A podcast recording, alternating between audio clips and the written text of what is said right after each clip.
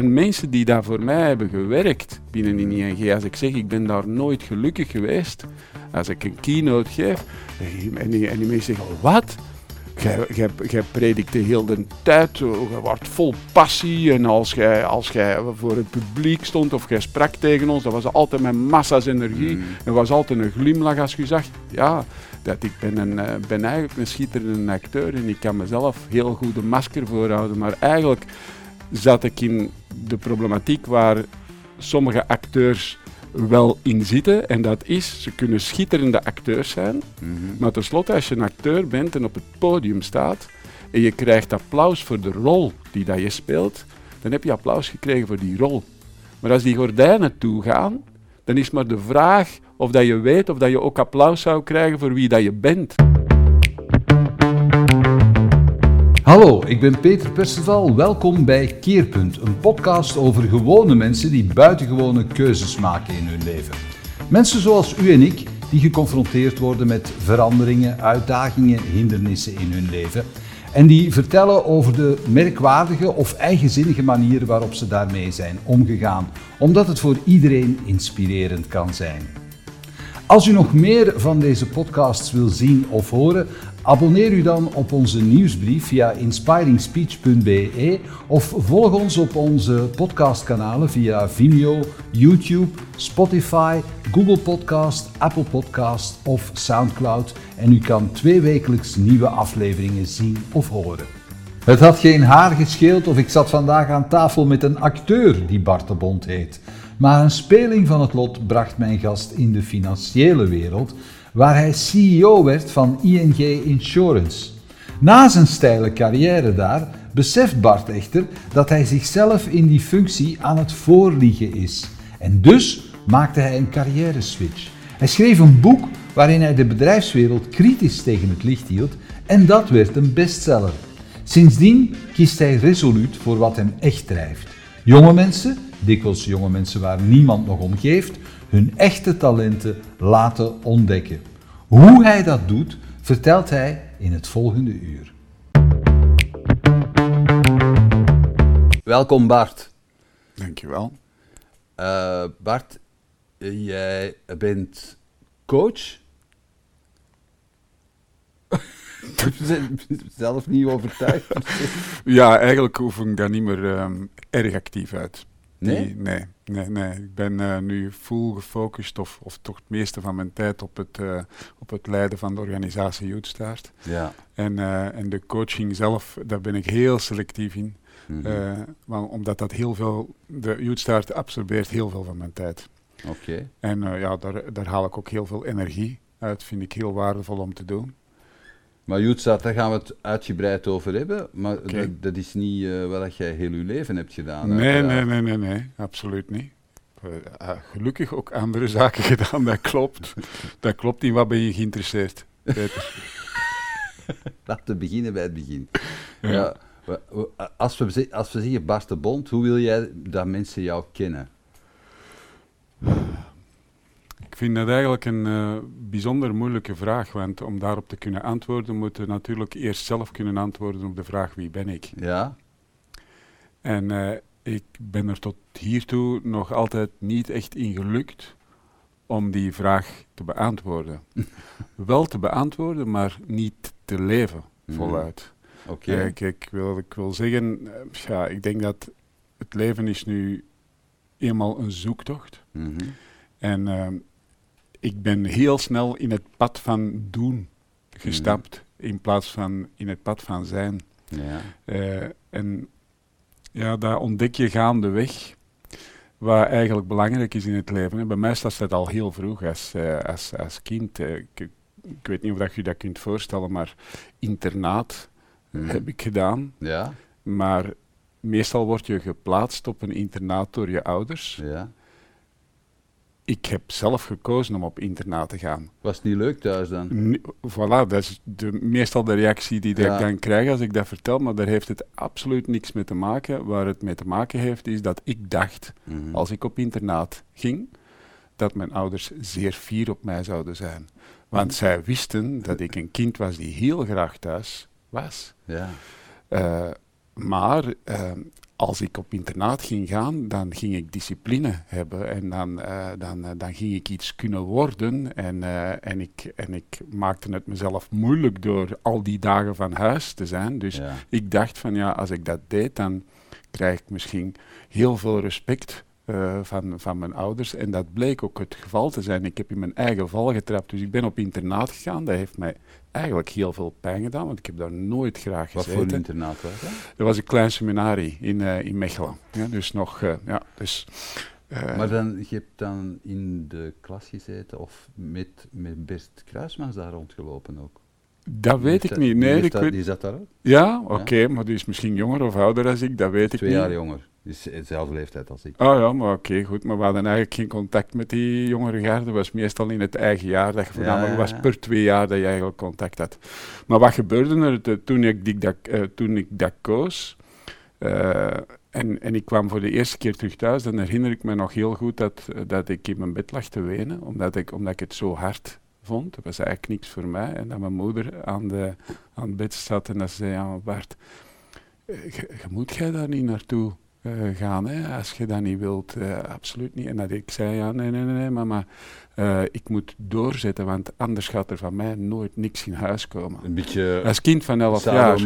ja, aangelegd als kind van. Maar het effect was wel, het effect was wel dat mijn moeder en mijn vader bijzonder fier waren op mij. Maar zeggen, verdorie, dat ze, dat ze, dat ze jongensje met karakter en dat ook uitspraken hun fierheid okay. en ook uitspraken ten opzichte van de rest. Dus met andere woorden, ik kreeg eigenlijk ook een stukje terug wat ik heel sterk verlangde. Uh, gezien worden, appreciatie krijgen.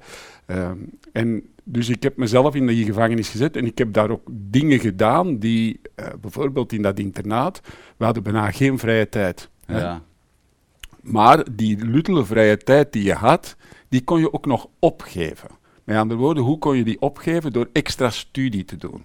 en als je extra studie deed, dan kreeg je een kruisje op je rapport voor de dagen dat je extra studie deed. Dus wat deed Bart? Die zat elke avond in de extra studie omdat ik dan allemaal kruisjes had op mijn rapport. Dus Als ik dat allemaal hoor, Bart, ja. dan denk ik, er komt een moment waarop dat Bart zegt, fuck you, ik geef extra kruisjes. Op ja, een gegeven heeft... moment moet dat toch gekomen Ja, zijn. maar dat heeft toch wel lang geduurd. Nee. Ik heb uh, altijd in het systeem gezeten van prestatie, prestatie, zorgen dat je de eerste bent. Dat was voor mij echt de ambitie, omdat je dan ja, de genoegdoening ervaart van um, ja, reacties te krijgen, waardoor dat je voelt van, ah ja, ik ben toch iets waard. En dus met andere woorden, op een bepaald moment, want ik, ging, ik, ook word, ik wilde heel graag acteur uh, worden, ja. uh, of journalistiek. Ik heb ook een, in, tijdens mijn legerdienst uh, nog journalist-omroeper geweest bij de, bij de VRT, bij ja. de radio. Vond ik prachtig om te doen.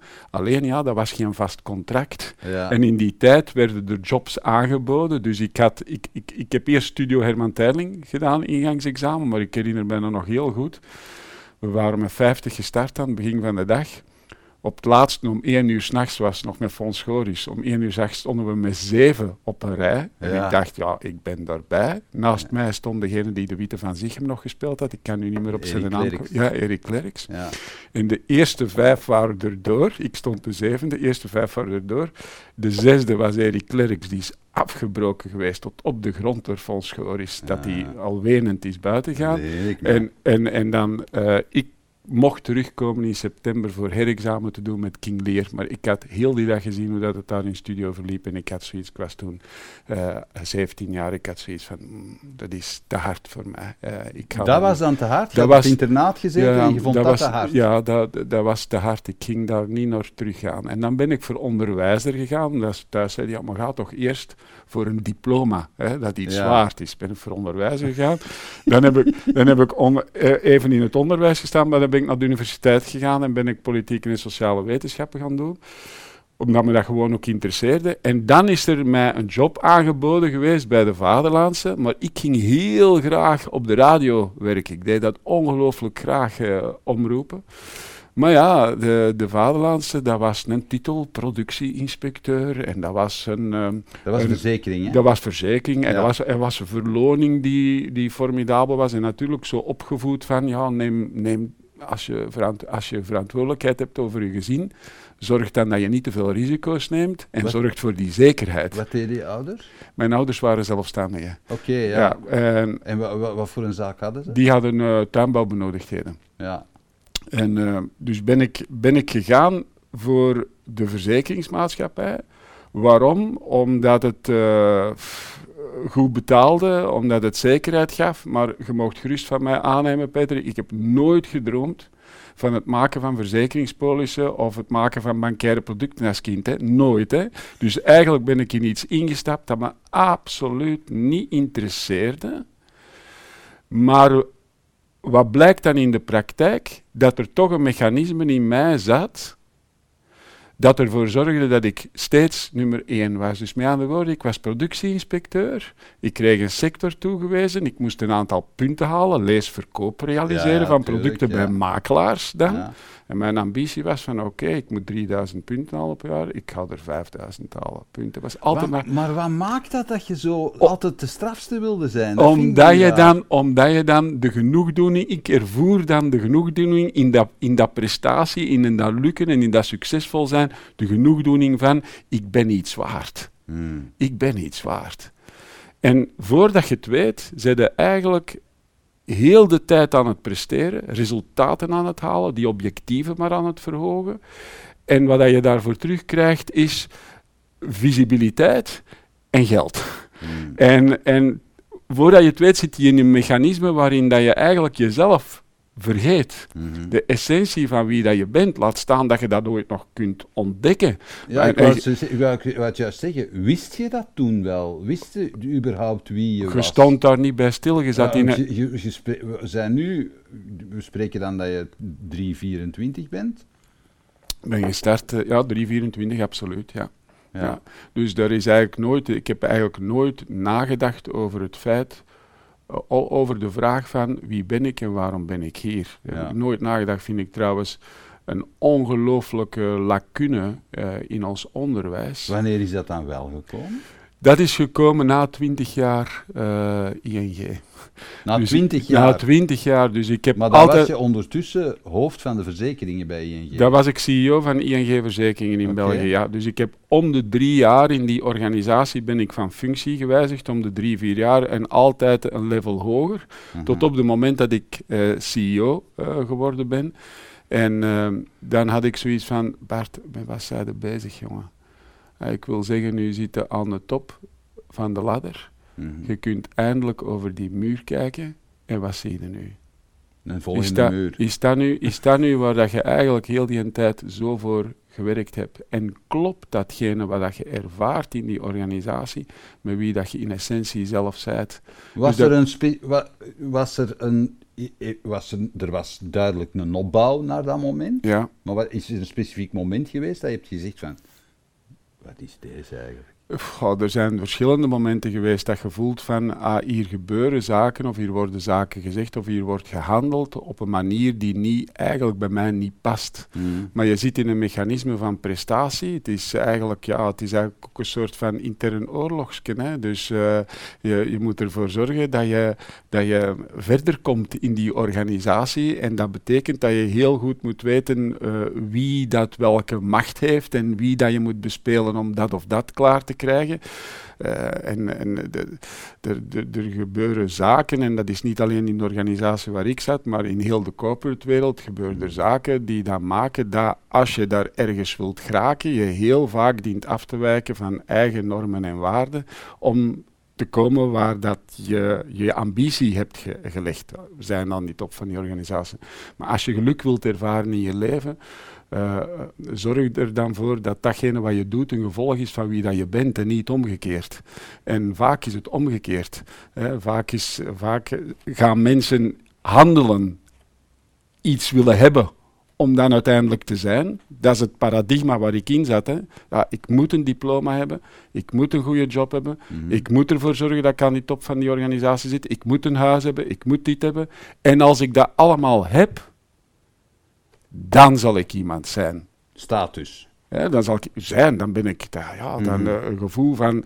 Terwijl als alles wegvalt, die allemaal stukjes componenten van dat zijn zijn, wat blijft er dan nog over?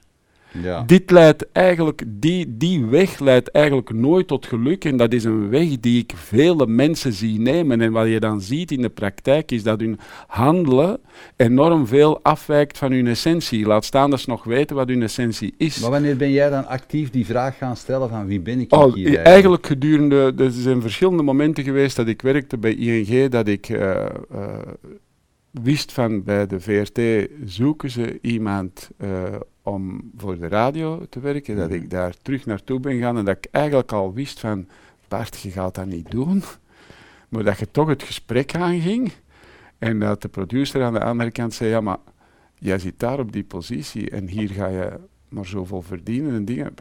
Weet je wel waar je mee bezig bent? En dan, dan, wist ik ook van mezelf, ja, maar ik heb nu even teruggeproefd, zit nu even terug in dat huis. dat okay.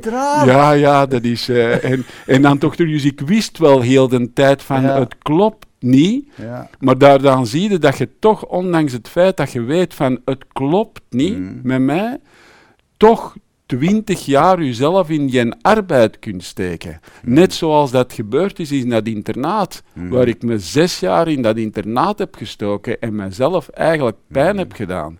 Heb ik dat ook twintig jaar, en mensen die daar voor mij hebben gewerkt binnen in ING, als ik zeg ik ben daar nooit gelukkig geweest, als ik een keynote geef, en die, en die mensen zeggen, wat?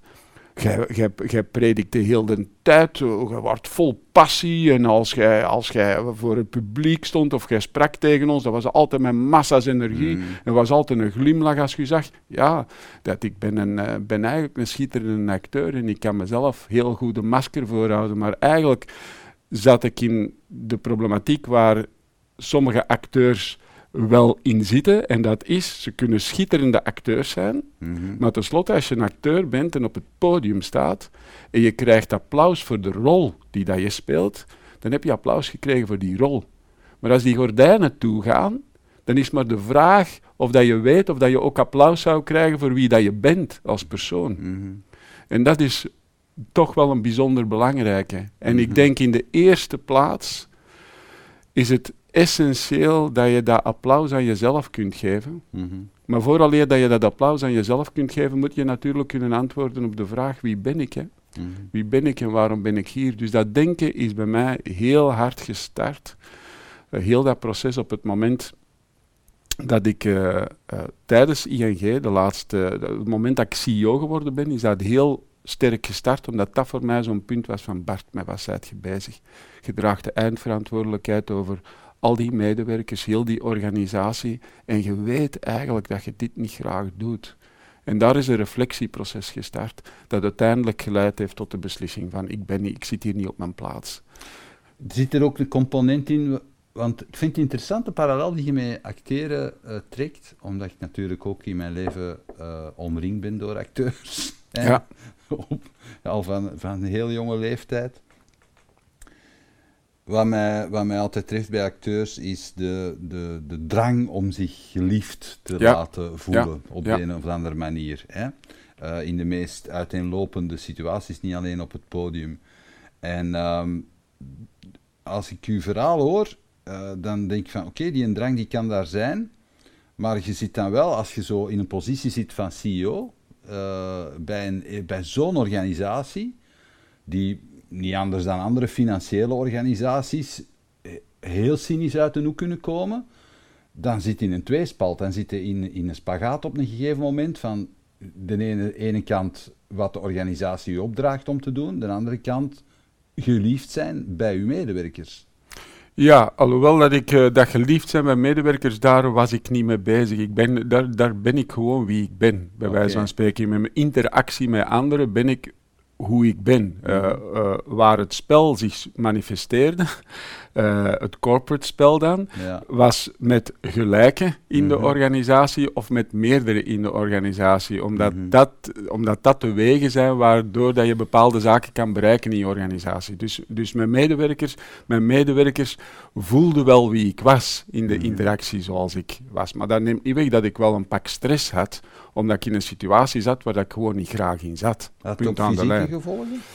Nee, dat heeft geen fysieke gevolgen gehad. Nee, mhm. nee, nee gelukkig niet. Gelukkig niet. Maar dan heb ik op een bepaald moment ben ik naar mijn ouders geweest en heb ik, zie het nog zo, mijn, uh, mijn vader zaliger zie ik nog zo zitten toen ik zei van, ja, ik was toen 43 jaar, uh, papa, mama, ik ga stoppen bij ING. En hij werd stil. en mijn vader, het eerste wat hij zei, zei, jij bent zot.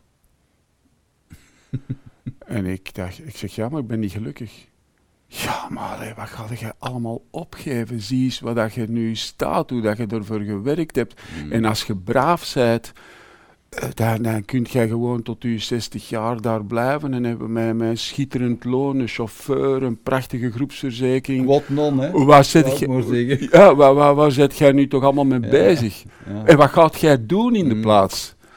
En dan, dan, dan zei ik van, ja, ik weet dat niet, wat ik kan doen. Maar ik heb er alle vertrouwen in dat dat goed komt. Mhm. Ik denk dat ik wel iets kan. We zullen wel zien. Maar mijn pad is nu het pad van geluk. En uh, dan heb ik, uh, hoe dat, dat loopt in het leven, dan in diezelfde week ben ik gebeld geweest toen ik die beslissing had genomen door een Nederlandse uitgever die me vroeg of ik een boek wilde schrijven over leiderschap. Omdat hij zoiets had, die had al teksten van mij gelezen. Die zei, dat is wel heel raar, een man die dat hoofd staat van een financiële instelling en met spirituele inzichten. Mhm. Eh, dat zou wel fijn zijn, moesten zo een boek schrijven waardoor, waardoor dat je eigenlijk aan, aan, aan onze markt kunt communiceren hoe dat je leiderschap ziet. Mhm. En dat, ik vond dat natuurlijk fantastisch dat dat kwam en heb ik de ladder van leiderschap geschreven. Dat is dan uitgekomen in Nederland en in België. Dat is een management bestseller geworden. Pas op, moet je niet bij, veel bij voorstellen. Hè. Management bestseller, dat is al rap, hè, want dat zijn boeken die eigenlijk nooit in massa's verkopen. Hè. Dus ze zeggen al rap de term bestseller. Maar het heeft toch wel gemaakt uh, dat er dan vragen zijn beginnen komen om keynotes te geven over leiderschap en vragen ook zijn beginnen komen van CEO's en directiecomité-leden voor coaching te geven. Maar je, je, dat, dat, is gebeurd in een periode, je hebt dat boek gepubliceerd in 2010 geloof ik? Oh, dat zou kunnen, ik weet dat zal wel meer, ja. Dus dat is gebeurd in een periode dat eigenlijk ehm, de spirituele inkijk op leiderschap, dat dat helemaal nog niet zo uh, populair was, zal ik zeggen. Nu wordt daar heel veel over geschreven en gedaan. Um, hoe, hoe reageerden bedrijven daarop in het begin? Maar heel positief, hè, want dat boek is heel veel verkocht geweest. Ik heb er heel veel reactie op gekregen. Dus ik, ik, heb, ik heb het gevoel zeer positief. Want het heeft ook gemaakt dat ik uh, mijn eigen onderneming ben uh, gestart. Mm een, een, coachingbedrijf. Dat zou nooit gelukt zijn geweest. Mm Moest dat boek niet goed ontvangen zijn geweest. Ja. dus in die, zin, in die zin was dat voor mij fantastisch. En dat was een, ik, ik, ik vond die opdracht, ik, ik, had, ik gaf mezelf een missie op die mhm. moment. Ik dacht, want ik heb altijd zoiets van, ja, je moet waardevol zijn in het leven. dat is nog zo'n thema voor mij. De mhm. vraag is of dat je dat moet zijn. Mhm. je moet waardevol zijn in het leven. Je moet ervoor zorgen dat je alles wat je nu hebt zitten, maximaal schenkt aan de anderen. Plus het en vous. Ja, ja, plus het en vous, voilà.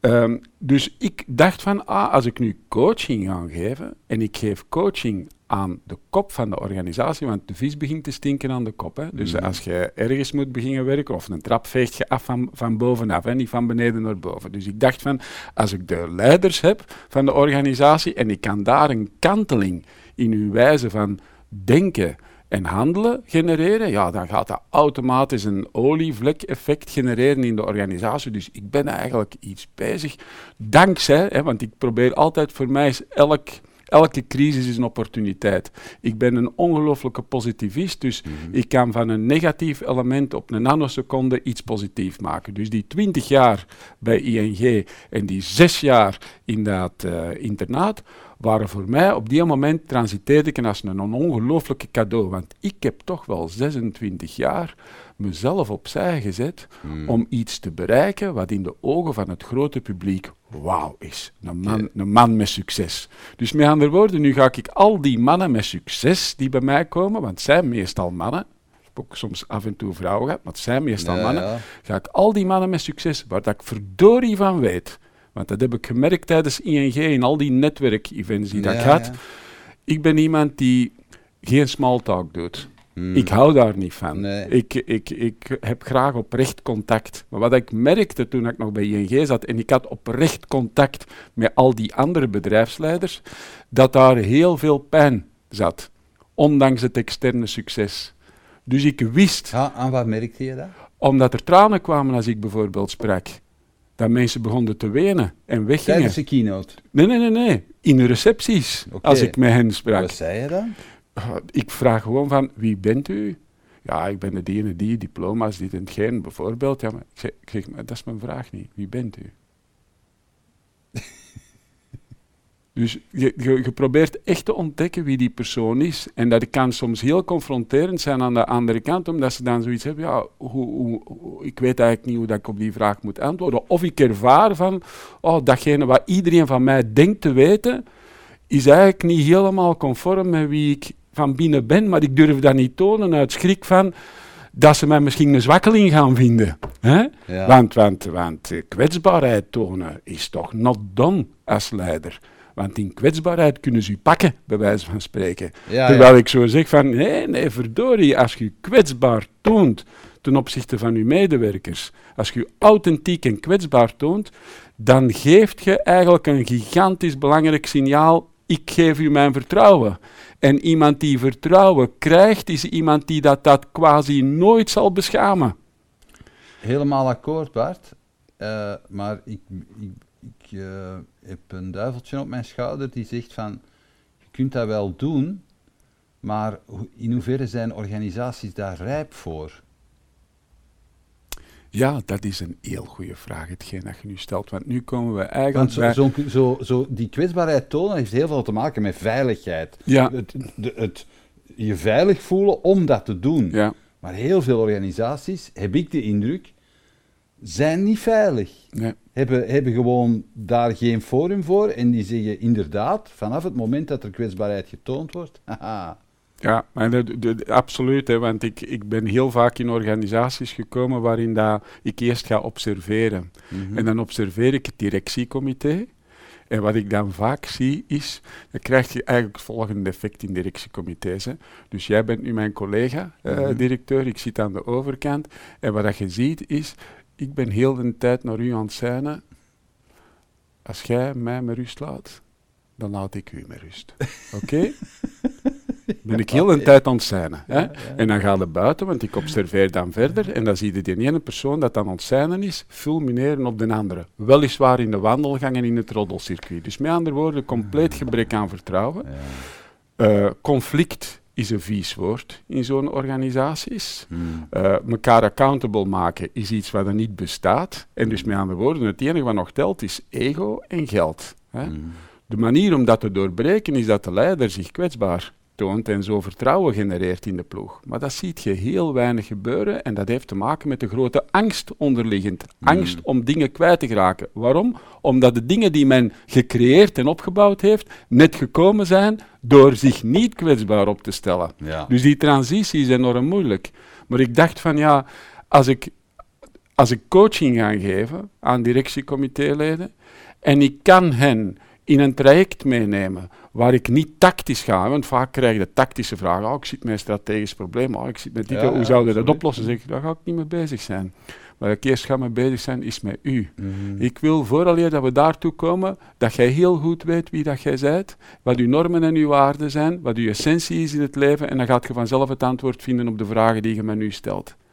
Maar dat pad doorgaan met hen, is heel confronterend voor velen, maar tegelijkertijd ook heel bevrijdend. Hè. Uh, bijna 70% van de mensen die bij mij geweest zijn, hebben nadien hun ontslag gegeven. Hè. En dat vergt moed, hè. dat is niet mijn ambitie, hè, Peter. Dat, ja, maar mijn ambitie.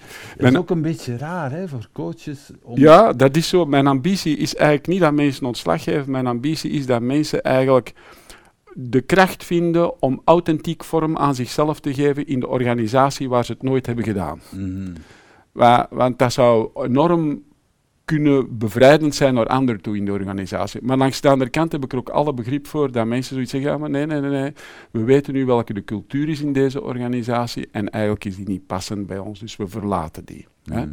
Maar dan komen we bij een groter filosofische vraag, vind ik. En die heb ik nog altijd niet kunnen beantwoorden. Dat is een conflict waar ik zelf nog altijd mee zit. En dat is van, waarom bestaat deze wereld?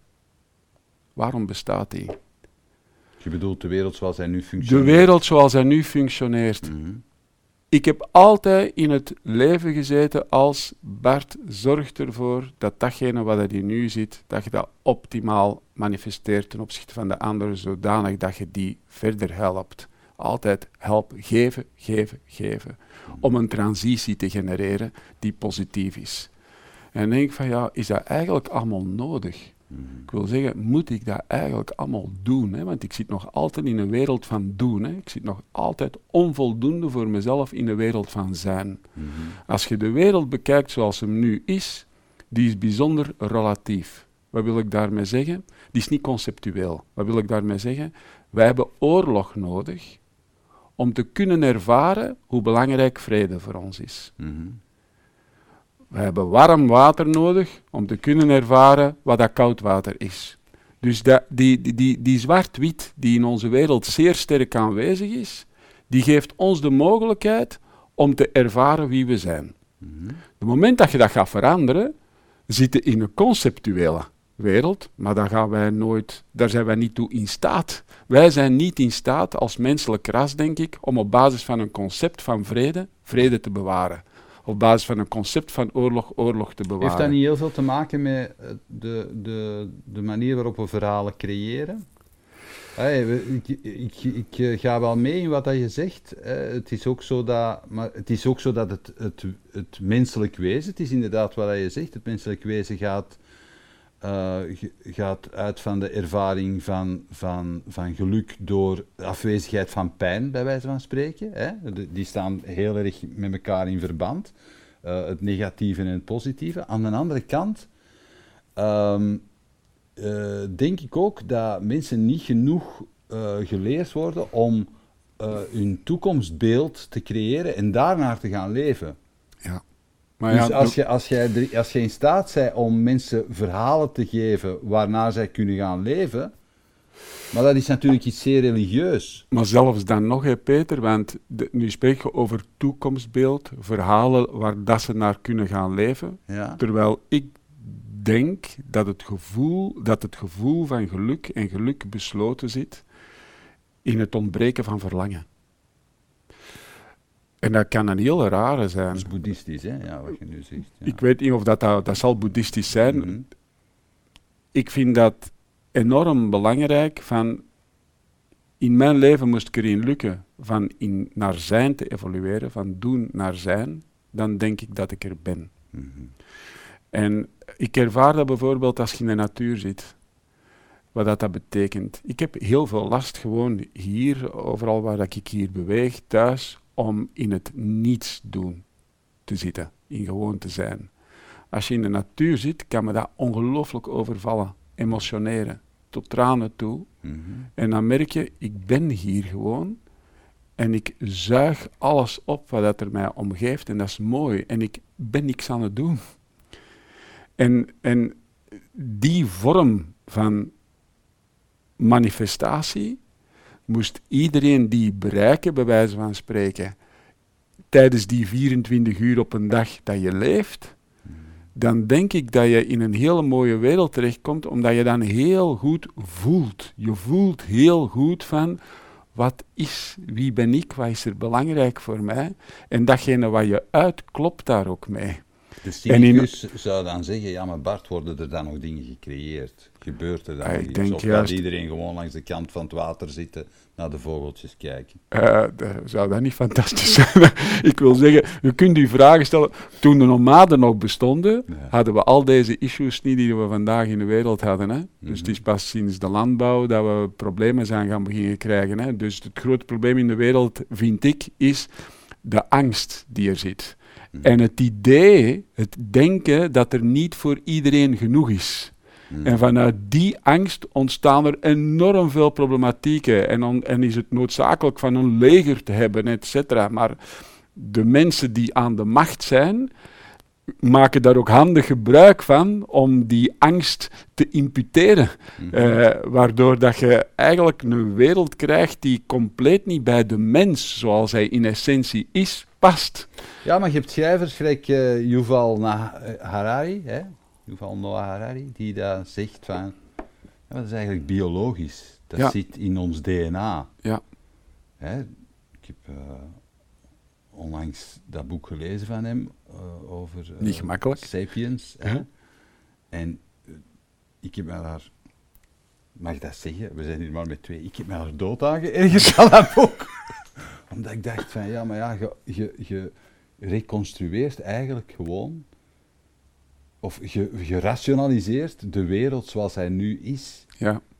Vanuit eh, met, met, heel veel literatuur en heel veel biologie en heel veel DNA-onderzoek. En dan zie je gewoon van ja, dat is nu zo. Ja. Dan denk je, nou ja, wat is dat voor een boek? Ja. je moet hem eens uitnodigen hier op uw podcast. zeg het hem zelf. Een hele lange podcast. Nee, maar ja, ik, ik wil maar zeggen, dat wordt heel erg, dat, dat verhaal, hè, wat, je, wat je zegt, dat is heel erg dominant. En je kunt daar bijna niet tegenop. Hoe doe je dat dan? Maar de vraag is of dat je er tegenop moet kunnen. Ik denk, ik, dat is voor mij de transitie waarin ik nu zit. Dat is van, ik vind dat een goede vraag, geen dat gesteld mijn oude Bart, bij wijze van spreken, mm zou allerlei middelen en instrumenten zoeken om daar tegenop te kunnen. Mhm. Lees bijvoorbeeld, ik ga een boek schrijven en ik ga die zo promoten dat heel veel mensen dat lezen. En in die boek gaat dan de waarheid staan, waardoor dan mensen kunnen uh, inzicht krijgen en zich daartegen kunnen afzetten. En dan kan er misschien een beweging ontstaan. Er kan misschien een beweging ontstaan die alles verandert. Hè? Eén instrument. Of ik steek dat in mijn keynotes. Hè? Dan heb ik een paar honderd mensen die dat, die dat luisteren. Al dat soort dingen. Doen, doen, doen om dingen te veranderen. Slotsom gaat zijn dat er geen bal verandert. Ja. Niks alles gaat blijven zoals het is. Alles gaat blijven zoals het is. Maar worden er dan de, nihilist? Nee, niet een nihilist. De enige wijze, denk ik, om te veranderen, is loslaten dat er veranderd moet worden. Mhm. En echt te komen tot constant, want dat is niet evident, hè, constant bewustzijn, constant observator zijn van uzelf, van op enige afstand. Dus niet uw gedachten leven, maar uw gedachten observeren. Mhm. Want het zijn slechts gedachten. Hè? Mhm. Ik wil zeggen, wij denken dat ons denken ons is. Nee, het is ons denken. Mhm. En dus als je, als je daar afstand van pakt en je kijkt daarnaar en je creëert dat bewustzijn constant in je leven, dan ben je in staat om echt te manifesteren wat er hierin zit, mhm. in dat omhulsel. En moest iedereen dat bij wijze van spreken doen, dan ben ik ervan overtuigd dat we in een prachtige wereld leven. Want mijn uitgangspunt is, hoe raar dat dat ook mogen klinken, dat elke mens in essentie goed is. Een mens kan slecht gedrag stellen, maar het is slechts gedrag. Het is een uitvloeisel van dingen die hij of zij heeft meegemaakt en waardoor dat hij of zij gedrag is beginnen gaan stellen dat, waarvan hij of zij denkt, dit gaat me beveiligen op een of andere manier. Maar als je naar de grootste crimineel toe echt in begrip zou gaan, dan ben ik ervan overtuigd dat je een kern tegenkomt die goed is. De vraag, de vraag is mhm. van, geraakt je in dat kwetsbaar gedeelte? Krijgt je het zover dat je zijn vertrouwen genereert, waardoor dat hij dat mhm. zichtbaar maakt. Is dat ook zo bij, bij psychopaten, zeg maar, bij een Dutroux? Uh, ik ga heel expliciet zeggen, want dat de mensen mij niet verkeerd begrijpen, mhm. ik ga heel expliciet zeggen dat ik het gedrag van die man compleet veroordeel. En tegelijkertijd zeg ik dat ik geloof dat daar goedheid in essentie aanwezig is. Mhm.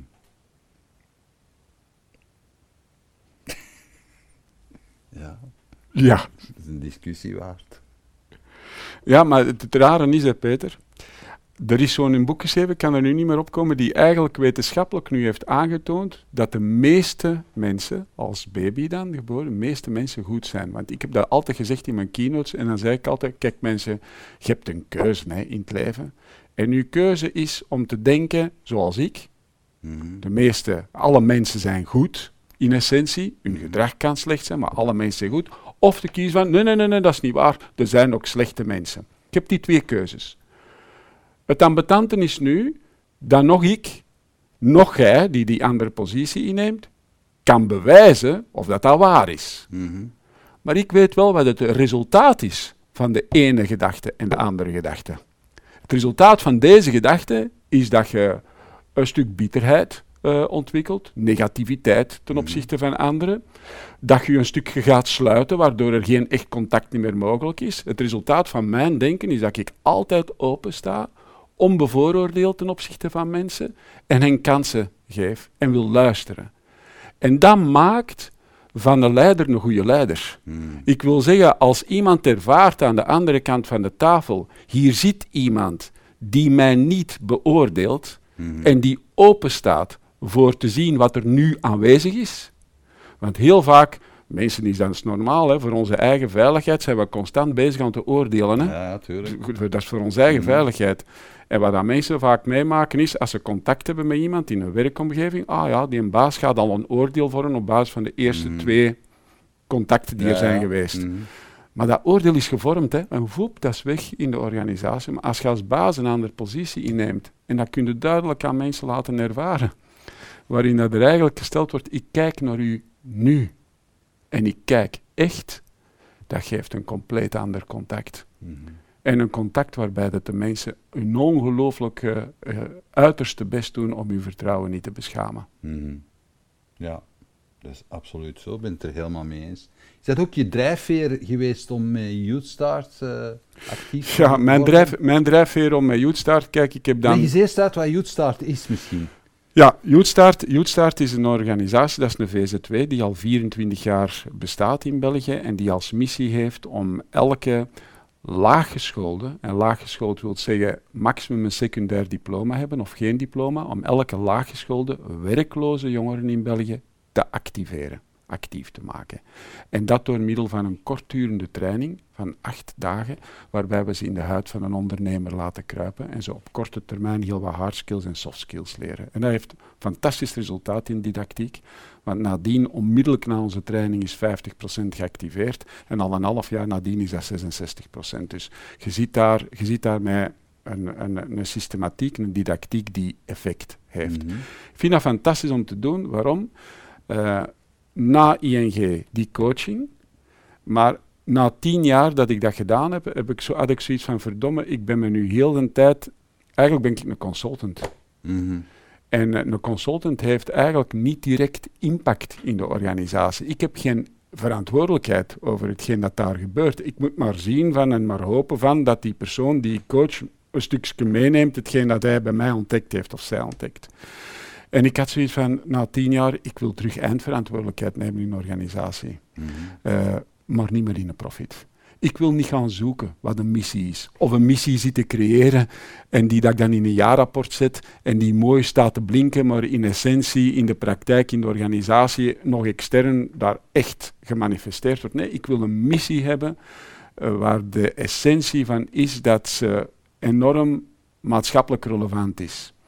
En een headhunter heeft mij toen gecontacteerd toevallig toen ik dat zei ook weer al, in een tijd met de afscheid bij ING, een week later die, de, uitgever.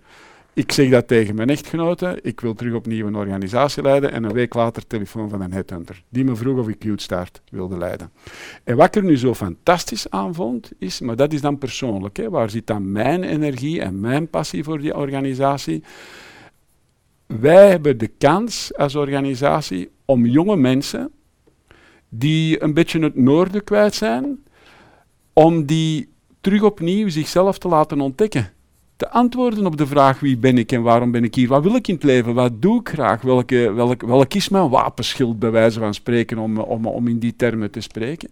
Zodanig dat zij een keuze maken in het leven, nog op een zeer jonge leeftijd, die echt bij hen past. En ze verdomme eerst geen twintig jaar bij een verzekerings- of een bankinstelling moeten werken om te ontdekken van, hé, hey, uh, die gaat hier niet voor mij. Dus voor mij zit er zo'n persoonlijke missie in van ik kan jongeren al, voordat ze in het werkelijke leven uh, stappen, om het dan zo verkeerd te benoemen, er echt in helpen dat ze de keuze maken waar dat ze gelukkig van worden. Maar het zijn vaak jongeren die, uh, die door het leven niet echt bevoordeeld zijn, zal ik, uh, zal ik uitdrukken. Hè? Dus ja. zijn, zijn, jongeren die, die uit schooltrajecten vallen, ja. die die, die in kleine criminaliteit verzeild raken. Hoe, hoe komen ze bij jullie terecht dan? Oh, wij doen dat op verschillende manieren. Hè. Dus uh, wij hebben hetgeen dat we wij doen via social media advertising, Google Ads, daar trachten we hen uh, te bereiken en dat lukt mm. aardig. En wij staan ook klaar om andere sociale organisaties die bezig zijn met die jongeren, uh, om die gratis verder te helpen. Hè. Als die zeggen van Bart of Joetstaart, zou jij die en die jongeren niet willen mm. begeleiden in jullie traject, dan gaan wij altijd ja zeggen. Dus het zijn andere sociale organisaties die instroom voor ons genereren. We doen het zelf via offline en online recruitment. En we hebben natuurlijk ook de gekende publieke organisaties zoals een NOCNW, VDAB, Activis voor hem, die af en toe naar ons uh, ook jongeren doorsturen. En die krijgen dan een vorming, die, ah, is die altijd gericht op ondernemerschap? wel, we gebruiken, we laten hen in de huid van een ondernemer kruipen. Mm om hen de, tot ondernemer van hun eigen leven te maken. De uitkomst daarvan is bijna nooit ondernemer worden. Dat is maar 5% dat dat doet. De uitkomst daarvan is voornamelijk terug naar educatie of een job vinden die bij hem of haar past. Maar die methodologie is uh, bijzonder nuttig om op zeer korte termijn belangrijke hard skills en soft skills aan te leren. Ik geef een heel simpel voorbeeld. Hard skills, dat is simpel. Hè. Ze leren met een computer werken, PowerPoint, Excel, ze leren presenteren, al dat soort dingen.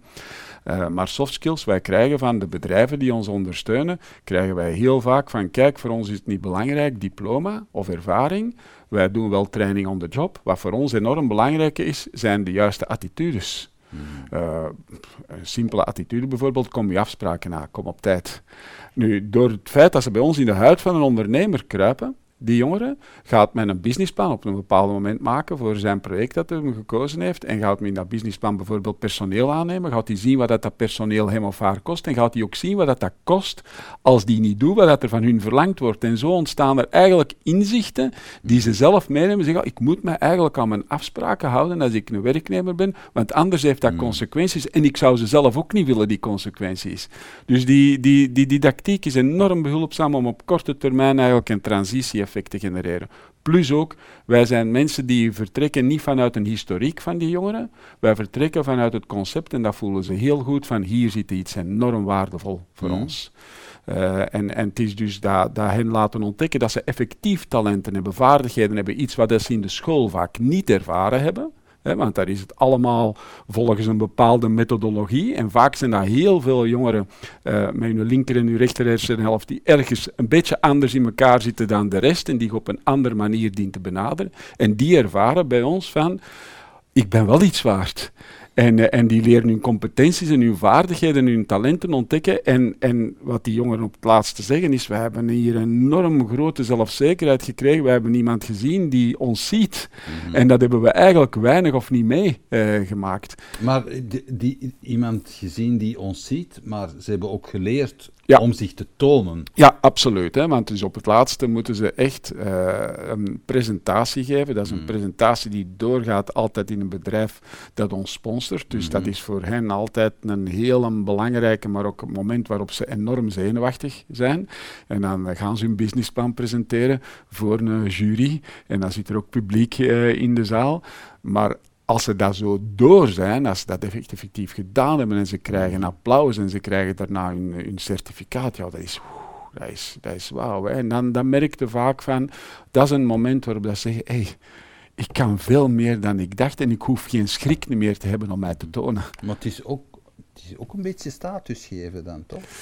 Het is terug op... Je geeft een certificaat, ze zijn trots op wat ze bereiken. Ja, ja, ja dat, is, eh, dat is waar. Hetgeen dat je zegt, natuurlijk, ja, de, je moet hen een stukje ook helpen in de wereld waarin mhm. dat ze nu eenmaal inzitten. En op dat certificaat staan alle bedrijven die, eh, die ons sponsoren. En die bedrijven weten heel goed wat dat we doen. Dus dat geeft ook een stukje, dat is een, ook een stukje een sleutel, een, een toegangssleutel naar hen toe. Hè, uh, om, om naar datgene wat in de maatschappij bij ons belangrijk is, toch te laten zien van hé, hey, ik heb wel een, uh, een instituut dat bevestigt uh, dat, ik, uh, dat ik iets kan. Hè? Ja. Want dan heb ik er ook nog voor gezorgd dat Antwerp Management School en HC Luik, dat we dan een Powered By mogen opzetten en hebben heel onze training geverifieerd. Dus, dus dat, ik geef eigenlijk iets, of we geven eigenlijk iets van waarde aan die, of wat, wat de maatschappij waardevol vindt. Maar het allerbelangrijkste is dat we natuurlijk zelf zelfvertrouwen hebben gegeven. Maar dat papiertje helpt hen een stukje op weg in het kader van een sollicitatiegesprek. Je hebt daar straks gezegd van ja, eigenlijk zou de, de vraag stellen van wie ben ik en allez, waar, waar, wat is, waar, waar ben ik dan goed in? Wat kan ik echt goed doen? Uh, dat wordt niet gedaan in het onderwijs. Dat is een beetje wat jullie ondervangen met, met YouthStar. Ja. Hoe zou dat in het onderwijs moeten gebeuren dan? Oh, ik denk dat er, dat er minstens, moet het allemaal niet te moeilijk maken. Hè. Ik denk dat er minstens een, een, een projectweek zou moeten voorzien worden. Eigenlijk, het, het onderwijs gaat heel vaak over het doorgeven van kennis. Mhm. Maar dat is harde kennis. Daar zit geen kennis van uzelf mm bij.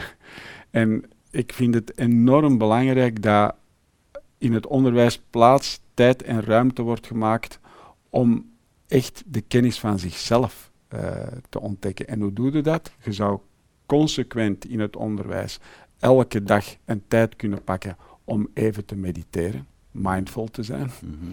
die, die, die jongeren dan mee te geven. Die stilte momenten, dat voelen van zichzelf, is enorm belangrijk uh, dat dat gebeurt. Heel simpel, elke dag. Kwartier. Mm. Vroeger deed men een gebed. Wel dat men nu in de tijd van dat gebed mindfulness doet, bij wijze van spreken. En dan vind ik het minstens belangrijk van dat ze in het onderwijs toch allerminst, je moet dat niet moeilijk maken, een projectweek hebben in elke school, waar dat, uh, de, dat gewoon als titel heeft wie ben ik. En dat de jongeren geholpen en begeleid worden door middel van vraagstelling, door middel van oefeningen, om dat te ontdekken en op het laatste hun definitie te geven. En dan verder geholpen worden om daar effectief consequent naar te handelen ook. Maar nu wordt er eh, gesproken, we staan aan, als we dit gesprek opnemen, staan we aan het begin van een nieuw schooljaar. Ik zie artikelen ineens verschijnen van er moeten overal in de scholen psychologen zijn. Is dat de oplossing? Uh, ik, ik heb ook al gehoord van die moeten dan betaald worden. Hè. Dus uh, ik, ik denk dat we sowieso een, uh, een ik denk dat sowieso psychologen enorm belangrijk zijn. Mm. En ik vind dat uh, psychologen er heel veel van mogen zijn, in de hoop dat al die mensen al hun pad hebben gelopen. Hè, en mm. dat je niet te veel projectie krijgt tijdens, tijdens, tijdens die sessies. Ja. Maar ik vind dat enorm belangrijk dat er iemand ter beschikking is waar dat je in volle vertrouwen je zwakte kan tonen. Hmm. Uh, dat vind ik extreem belangrijk. Die toegang geven aan iedereen, ik vind dat een super beslissing. Dat is net zoals je nu, allee, de, de, de war on drugs nu in Antwerpen, hè, eigenlijk.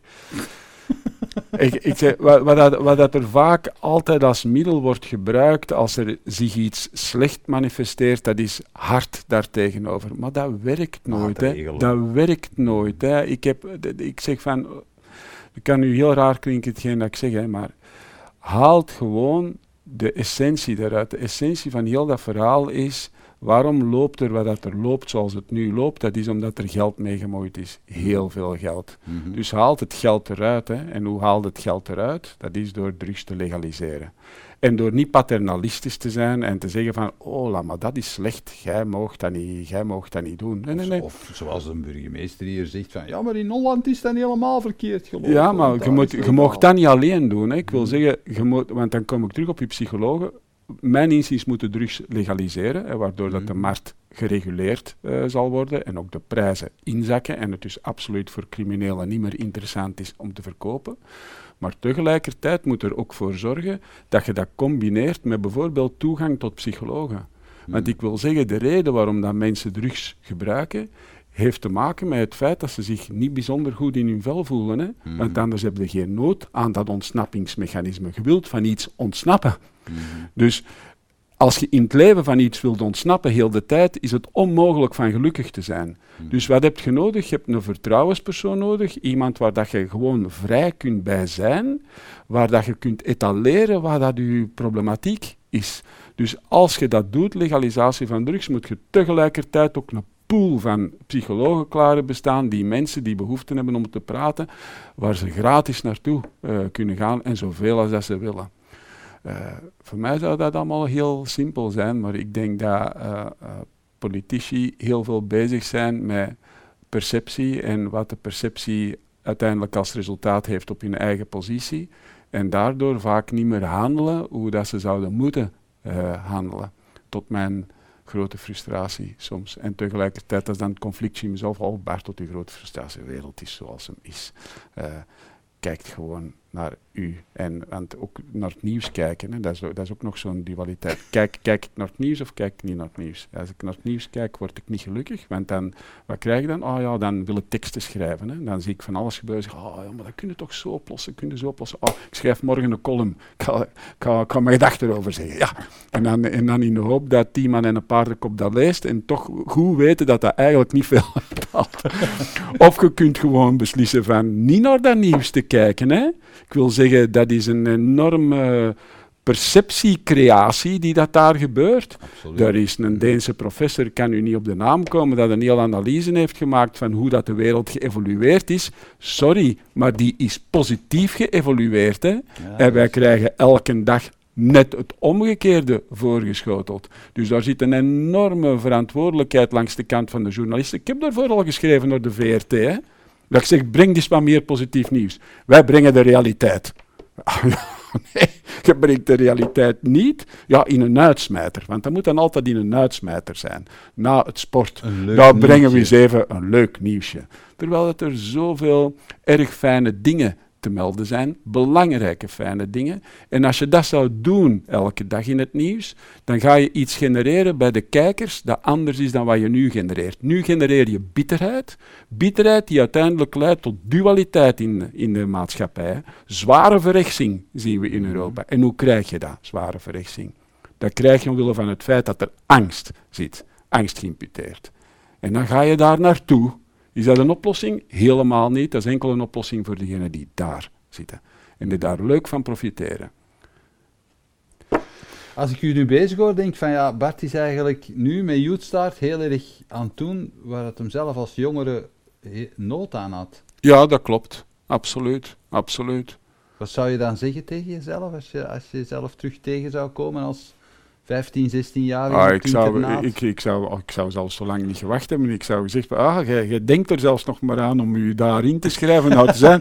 Kom jongen, maak dat je er terug uit bent. Ik moet zeggen, nu zijn er ook wel veel mogelijkheden. Hè. Moest er in de tijd uh, bijvoorbeeld een, uh, een, een kunsthumaniora bestaan hebben. Mm. Maar dat was allemaal zo niet. Dat, dat bestond allemaal niet. Hè. Kunst en acteurs, dat was... Oef, uh, dat is nog altijd, hè, Ja, ja, maar wel...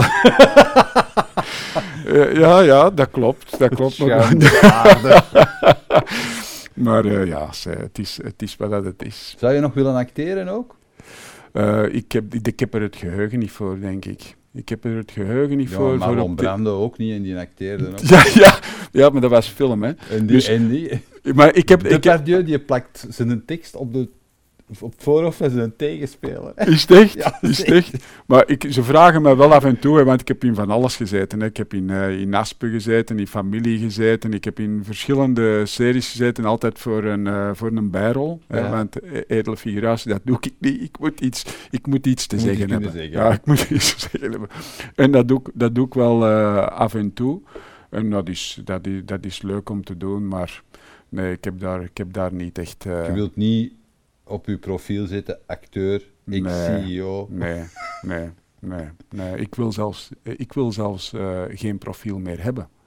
Dus okay. moest ik, uh, moest ik Youthstart niet leiden, dan had ik geen profiel meer. Dat mm. profiel is er puur om Youthstart te helpen. Mm.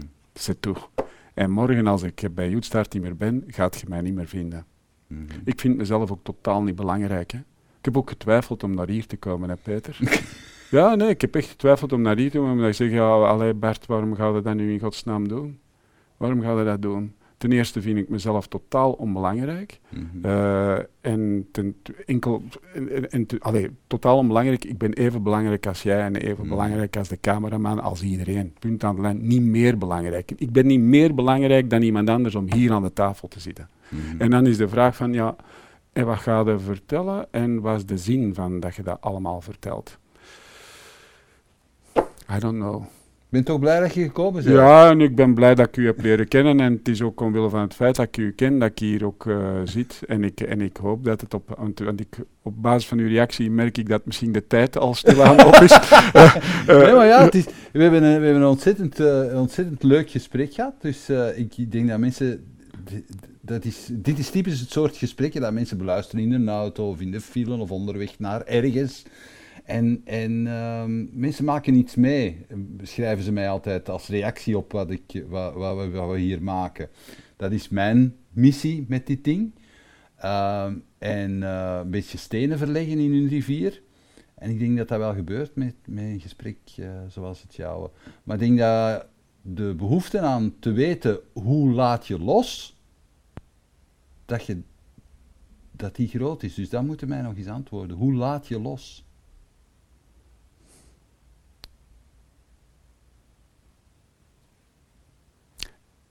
De stilte die ik nu geef is het antwoord. Niet meer de behoefte hebben om te antwoorden. Mhm. Gewoon zijn. Ik weet niet of dat een antwoord is die dat jou bevredigt, maar gewoon zijn. Niet willen dat iemand anders iets over jou denkt. Of, ik zal het anders zeggen, wat de anderen ook van jou mag denken, er absoluut niet mee bezig zijn. Dat is een enorme belangrijke om te kunnen loslaten. Ontkoppelen, ontkoppelen, uzelf ontkoppelen van het oordeel van een ander. En dan u daarna ontkoppelen van het oordeel van uzelf op uzelf. En dat is misschien klinkt nog allemaal nogal theoretisch, maar ik kan wel zeggen, ik ben er wel compleet in gelukt sinds mijn afscheid bij ING om mij compleet te ontkoppelen van het oordeel van anderen. En dat is enorm bevrijdend. Sinds dat moment ben ik zeer authentiek geworden. In alles wat ik zeg en doe, weet ik, dit klopt met wie ik ben. Hmm. Dat geeft enorm veel kracht, enorm veel energie en is blijkbaar ook inspirerend naar anderen toe. Dus zijn zoals je bent, maar eerst natuurlijk ontdekken wie dat, dat is, is denk ik het, het, het beste wat je kan doen in je leven, maar dat vergt constante aandacht. Prima. Dat is een geweldige les. Bedankt Bart. Jij bent bedankt om mij te bedanken. Bedankt dat je keek naar deze aflevering van Keerpunt. Wil je op de hoogte blijven van nieuwe afleveringen en nieuwe interessante gasten? Abonneer je dan op onze nieuwsbrief via www.inspiringspeech.be. Iedere twee weken brengen wij een nieuwe aflevering online op inspiringspeech.be, YouTube, Vimeo en Soundcloud. Tot ziens.